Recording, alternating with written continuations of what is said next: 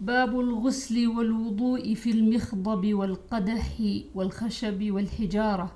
عن أنس قال حضرت الصلاة فقام من كان قريب الدار إلى أهله وبقي قوم فأتي رسول الله صلى الله عليه وسلم بمخضب من حجارة فيه ماء فصغر المخضب أن يبسط فيه كفه فتوضأ القوم كلهم.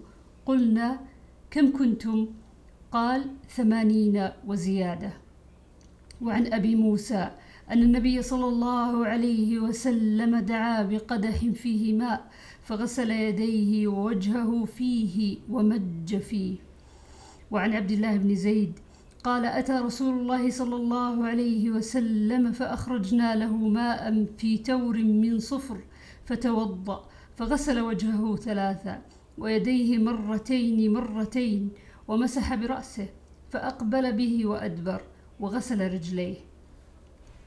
وعن عائشة قالت لما ثقل النبي صلى الله عليه وسلم واشتد به وجعه استأذن أزواجه في أن يمرض في بيتي فأذن له. فخرج النبي صلى الله عليه وسلم بين رجلين تخط رجلاه في الأرض بين عباس ورجل آخر.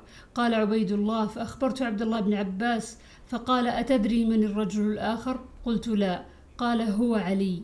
وكانت عائشة تحدث أن النبي صلى الله عليه وسلم قال بعدما دخل بيته واشتد وجعه ريقوا علي من سبع قرب لم تحلل أوكيتهن لعلي أعهد إلى الناس.